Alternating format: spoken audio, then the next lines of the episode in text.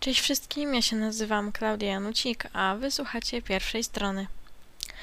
Dzisiejsza audycja będzie taką odskocznią od tego, co słuchaliście do tej pory. No, myślę, że nie muszę dużo mówić o sytuacji za naszymi granicami u naszych sąsiadów. Jako, że całe radio w jakiś sposób chce solidaryzować się mm, z Ukrainą, stwierdziłam, że i ja się do nich dołączę, że też chcę zrobić coś, by wyrazić jakoś swoje wsparcie.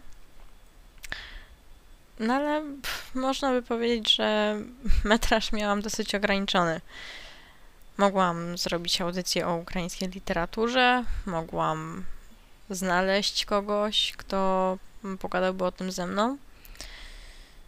Takie były też plany, jednak no przyznam się szczerze, że no, po prostu się nie udało. Zresztą sami to właśnie słyszycie. Stwierdziłam jednak, że zrobię coś zgoła innego. coś, co może nawet wyjdzie lepiej, bo jest to coś, w czym ja się po prostu odnajduję najlepiej. I mam nadzieję też, że uda mi się przekazać to, co po prostu chciałam Wam przekazać. Napisałam króciutkie opowiadanie, mm, właśnie specjalnie na tą okazję. Dawno już tego nie było, mm, ale stwierdziłam, że obecne okoliczności pozwalają na przerwanie tego ciągu o poradnikach Myślę, że i dla Was, jako dla słuchaczy, będzie to nie najgorsza odskocznia, żeby w końcu usłyszeć o czymś innym niż o samych poradach dotyczących pisania. Y, nie będę jednak tej audycji rozbijała na dwie, tak jak zazwyczaj to robiłam, czyli dzisiaj po prostu skupię się na i na czytaniu opowiadania, przedstawieniu go Wam i potem mm, postaram się je omówić jak najlepiej. Jak e, być może pamiętacie, ja zawsze mam problem z tytułami, z nazwaniem a to opowiadania, a to właśnie książki, którą piszę. E, tak więc i to opowiadanie nie ma mm, tak naprawdę tytułu. Chociaż na ten moment możemy przyjąć, że tym tytułem będzie Czas Mroku. Można uznać to za tytuł roboczy, a, ale podejrzewam, że skończy się na tym, że taki też on zostanie. Ale już w tym momencie myślę, że bez e, zbędnych na ten moment wyjaśnień e, przejdę już e, do samego tego opowiadania a właśnie na wszelkie e, potrzebne, potrzebne słowa przyjdzie jeszcze coś, czasy później. Nie bez powodu obawiamy się ciemności. Choć sama w sobie nie jest niczym strasznym, nie można przewidzieć, co się w niej kryje. Do tego umysł lubi płatać figle, rysując bezkształtne postaci, których nie przypiszemy do niczego, co jest nam znane, co wiemy, że jest bezpieczne. Dlatego w nocy zapadamy w sen, by zwyczajnie oszczędzić sobie do powiedzeń i lęków. Zamiast tego wybieramy nocne marzenia, kolorowe i pełne życia. W nich czujemy, że nic złego się nie wydarzy i dlatego jesteśmy tym bardziej rozbici po gwałtownym wybudzeniu. Świst powietrza. Gromkie uderzenie. Wybuch. Walący się gruz i krzyki. Potworne krzyki, rozdzierające nawet najbardziej skostniałe serce krzyki przerażonych kobiet, zdezorientowanych dzieci i mężczyzn rozeznających się w sytuacji, skowyt nieświadomych niczego zwierząt. Wszystkie te dźwięki nakładają się jeden na drugi, tworząc niezgraną symfonię grozy. Z tyłu głowy każdy wiedział, co się stało. Nikt jednak nie dopuszczał do siebie tej myśli. Wszyscy podejrzewali, że to w końcu nastąpi. Każdy jednak żył nadzieją, że to tylko czarnowidzenie. Obawy zyskały potwierdzenie wśród niezwykłego poruszenia, jakie objęło najbliższe okolice. Szczęśliwi ci, wyposażeni w piwnicę. biedni ci, których sparaliżował strach. Widok z okna rozpościerał się na wciąż uśpione miasto. Ulice rozświetlały pojedyncze snopy samochodowych reflektorów. Uliczne latarnie mrugały porozumiewawczo, dając znać o zbliżającym się końcu służby. Wkrótce udadzą się na zasłużony spoczynek, tak jak zrobił to Iwan, wracający z nocnej zmiany za barem. Wyczerpanie sprawiło, że nawet kanapa wydała mu się zaskakująco wygodnym miejscem do snu. Jego niespokojna głowa nie pozwoliła mu jednak na odpowiednią regenerację. Przymkniętym okiem spojrzał na zegar wskazujący trzecią pięćdziesiąt dziewięć. Chcąc uniknąć porannej pobudki wskutek wpadających do pokoju promieni słonecznych, ociężałym krokiem zsunął do okna, by następnie zakryć je starymi zasłonami. Nim jednak to zrobił, jego uwagę przykuło migające światło na ciemnym niebie. Stał tak i wpatrywał się w nie, wysilając wolno działające trybiki w głowie i zastanawiał się, co to takiego. Trybiki przyspieszyły, kiedy światło zaczęło opadać. Im bliżej ziemi się znajdowało, tym większy ogarniał go niepokój. Obserwował, jak przyspieszając, wydłuża swój promień, by w końcu dotrzeć do dachu odległego budynku. Gdy już do tego doszło, skutkiem był natychmiastowy wybuch. Na miejscu budynku pozostał tylko gruz i resztki zabudowań. Najprawdopodobniej tuż pod nimi pogrzebana została rodzina, dotychczas wiodąca spokojne, nie wyróżniające się niczym od innych życia. Szok nie pozwalał Iwanowi wyrwać się z osłupienia. Stał tak jeszcze dobrych parę minut, w czasie których napływać zaczęły kolejne tego typu światła. Po kolejnym trafnym uderzeniu, tym razem bliżej jego własnego domu, nogi same porwały go do wyjścia. Szukając chociaż najmniejszego uśmiechu w tej sytuacji, można by rzec, że jednak wyszło coś dobrego z przemęczenia po nocnej zmianie. Ubranie wciąż pozostawało na nim nieruszone. Na ulicy zebrali się prawie wszyscy zamieszkujący okolice. Każdy tak samo krążył dookoła i rozglądał się licząc na znalezienie jakiegoś punktu, z którego zaczerpnął wszystkie informacje. Zebrany tłum rozgonił w końcu kolejny wybuch, tym razem tuż obok ich domów. Na miejscu został tylko Iwan, który zamarł po odnalezieniu wzrokiem zestrzelonego budynku. Najszybciej jak umiał, jak tylko pozwalały mu mięśnie i resztki sił, biegł. Pędził aż wpadł na gruz, który od razu zaczął przekopywać trzęsącymi się rękoma. Przestał, kiedy pod jednym z kamieni odkrył bezwładną rękę. Odskoczył, padając na plecy, po przyjrzeniu się kobiecej dłoni.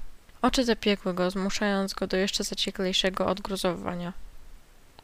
Idąc tropem za ręką, dokopał się do reszty ciała. Ku jego uciesza widział unoszącą się klatkę piersiową. Ludmiła! szepnął głosem pełnym nadziei. Ta, jak na zawołanie, uchyliła oczy, przyspieszając oddech.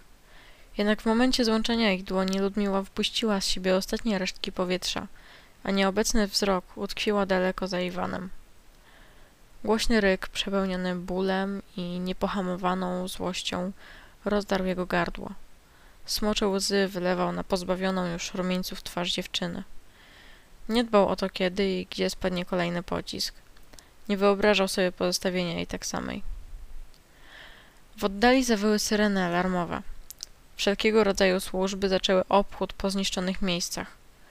W końcu dotarły i do domu Ludmiły, czy może raczej jego szczątków. Zarówno mundurowi, jak i ratownicy starali się przemówić do rozsądku Iwana. Same słowa jednak nie wystarczyły. Dopiero argumenty siłowe poskutkowały oderwaniem go od ciała dwudziestolatki i przetransportowaniem w bezpieczne miejsce. Piwnice schroniska zapełniały się z minuty na minutę. Uciekały całe rodziny, matki z płaczącymi dziećmi na rękach, mężowie chcąc zapewnić choć względne poczucie bezpieczeństwa najbliższym, osoby starsze i schorowane, a u boku większości z nich wszystkich na smyczach, w klatkach, pod ubraniami przyprowadzali futrzastych lub nawet pierzastych małych domowników. Miejsce znalazło się dla każdego, kto go potrzebował. Do Iwana zwiniętego w kulkę pod ścianą dalej nie docierało, co tak naprawdę się wydarzyło. Był całkowicie zamknięty na wszelkie bodźce. Żył teraz we własnym świecie, pogrążony w myślach, rozterkach i żalu. Do rzeczywistości przewrócił go jednak kolejny wybuch, gdzieś na tyle daleko, że nie sprawił, by ktokolwiek poderwał się z miejsca. Skłonił jednak wszystkich do zachowania całkowitej ciszy, jakby we wspólnej modlitwie, by kolejne nie trafiły na nich. Następne dni zlewały się, tworząc monotonny ciąg wydarzeń. Nie odróżniało ich od siebie praktycznie nic, może poza paroma odgłosami dobiegającymi za ścian schroniska. Każda godzina przepełniona była płaczem zarówno najmłodszych, jak i najstarszych. W powietrzu nosiło się napięcie i atmosfera żałoby. Dzieci ogarnięte nudą stawały się coraz bardziej nieznośne i kapryśne.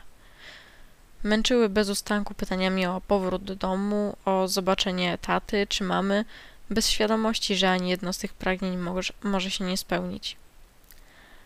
Wszystko to piętrzyło się nad głową Iwana coraz bardziej, wytrącając go z równowagi. Gdy wydawało się, że sam zaraz wybuchnie, stanęła przed nim mała dziewczynka. Miała może z siedem lat i wpatrywała się w niego dużymi niebieskimi oczkami. Nie ma tutaj kogoś, kogo pan kocha, prawda? Iwan oddał jej pełne przejęcia spojrzenie i drżącym głosem odpowiedział nie. I już nie będzie. Po tych słowach siedmiolatka zbliżyła się do niego i swoimi małymi rączkami przytuliła go najmocniej jak potrafiła. Po chwili wróciła do taty i rzuciła mu się w ramiona, pozostawiając Iwana w osłupieniu. Właśnie dlatego Ludmiła tak uwielbiała dzieci. Potrafią bez oporów zrobić coś, nad czym dorośli zastanawialiby się w nieskończoność. W nawet najmroczniejszych chwilach potrafią znaleźć w sobie wiązkę światła, która rozpromieni zachmurzone głowy. Jeden gest sprawił, że umysł Iwana oczyścił się pierwszy raz od kilku dni. Nie miał w sobie już żalu, ani nawet strachu, a jedynie chęć ocalenia tych małych istnień, będących nadzieją ludzkości. Wydawało mu się, że doskonale wie co robić. Nie skupiał uwagi na żadnych innych myślach. Ignorował nawet to, co krzyczeli do niego ludzie, kiedy opuszczał schronisko. W tym momencie wizja jego przyszłości scalała się z widokiem rozciągającym się przed oczami. Zaczął iść przed siebie, mimo że nie miał pojęcia, na co trafi. Szedł pewnym krokiem, samym środkiem ulicy, jakby rzucał wyzwanie wrogowi. Jakby w najbardziej bezczelny sposób pokazywał, że nie ma już w nim lęku. Sprzyjający odważnym los nie pominął Iwana – już po przejściu kilkunastu metrów trafił na samochód wiozący dopiero zaciągających się żołnierzy. Nie mogąc mu odmówić, zaraz zrobili dla niego miejsce w swojej grupce. Odwrócił się, by spojrzeć, być może po raz ostatni, na miejsce pełne ludzi, o których chce walczyć. W drzwiach żegnała go dziewczynka, nieśmiało machając drobną rączką. Odpowiedział jej tym samym gestem i spojrzał przed siebie, ku przyszłości, o jaką zabiega każdy na jego miejscu. Każdy dzień boju przynosi coraz więcej emocji. Każdy przyprawiony jest smutkiem i radością, wyczerpaniem i zastrzykami energii.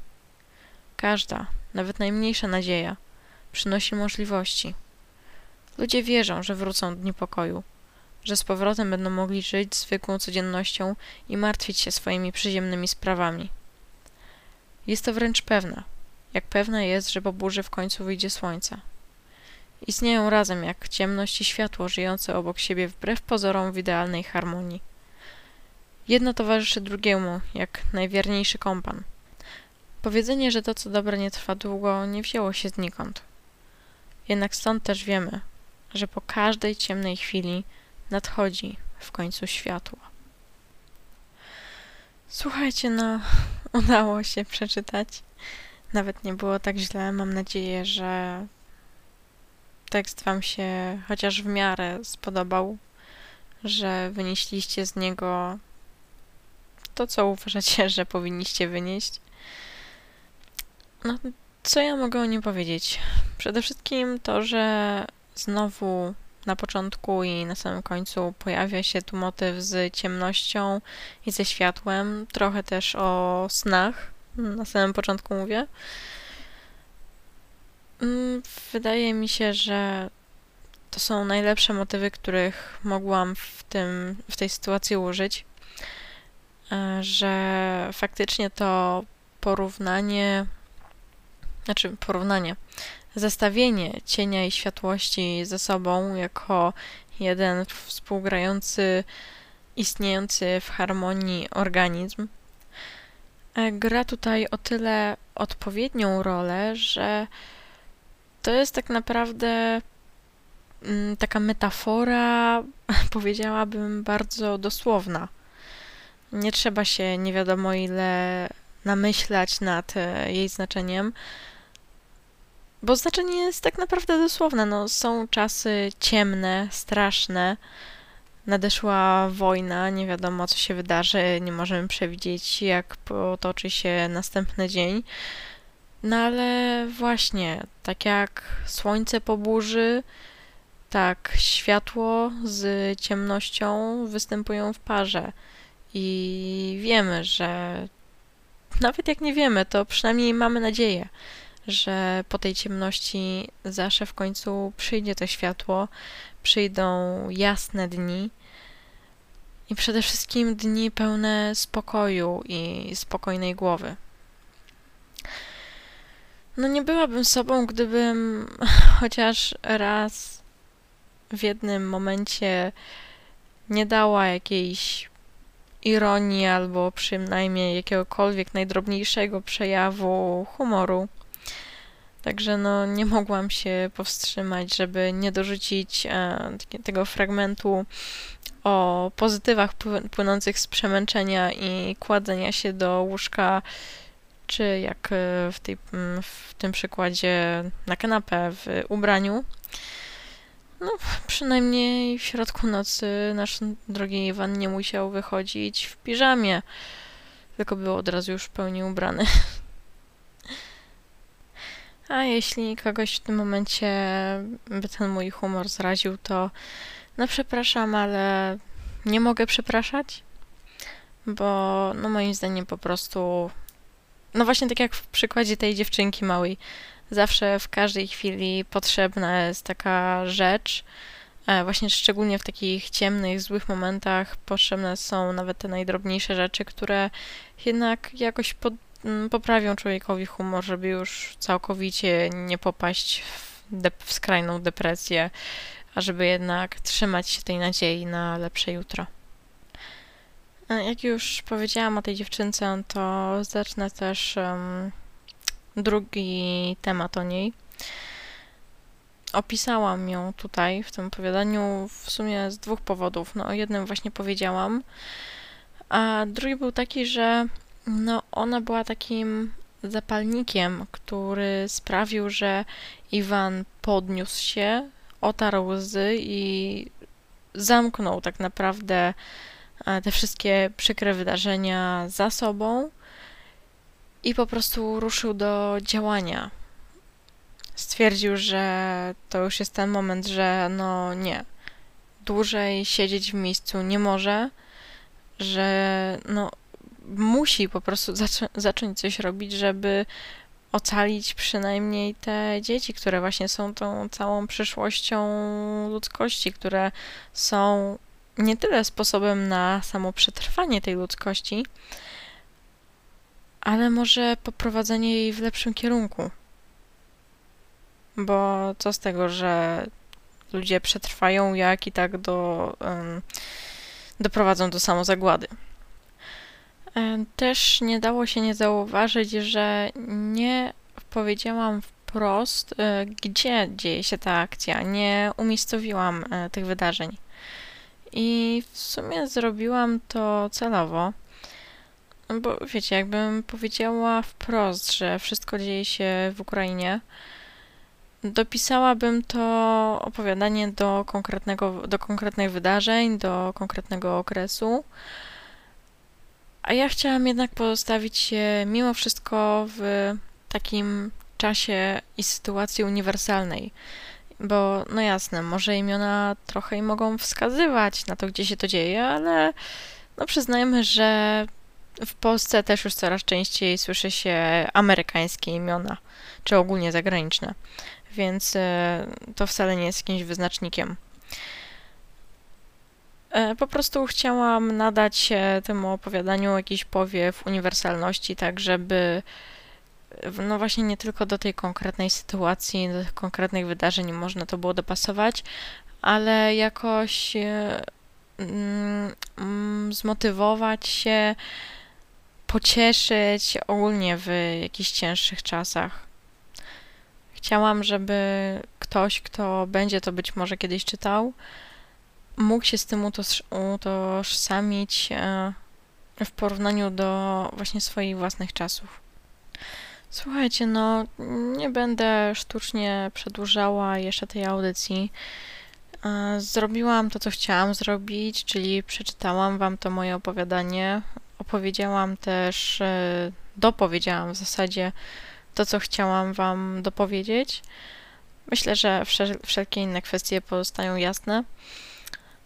E, no, nie pozostało mi już nic innego, jak tylko podziękować Wam za odsłuchanie tej audycji.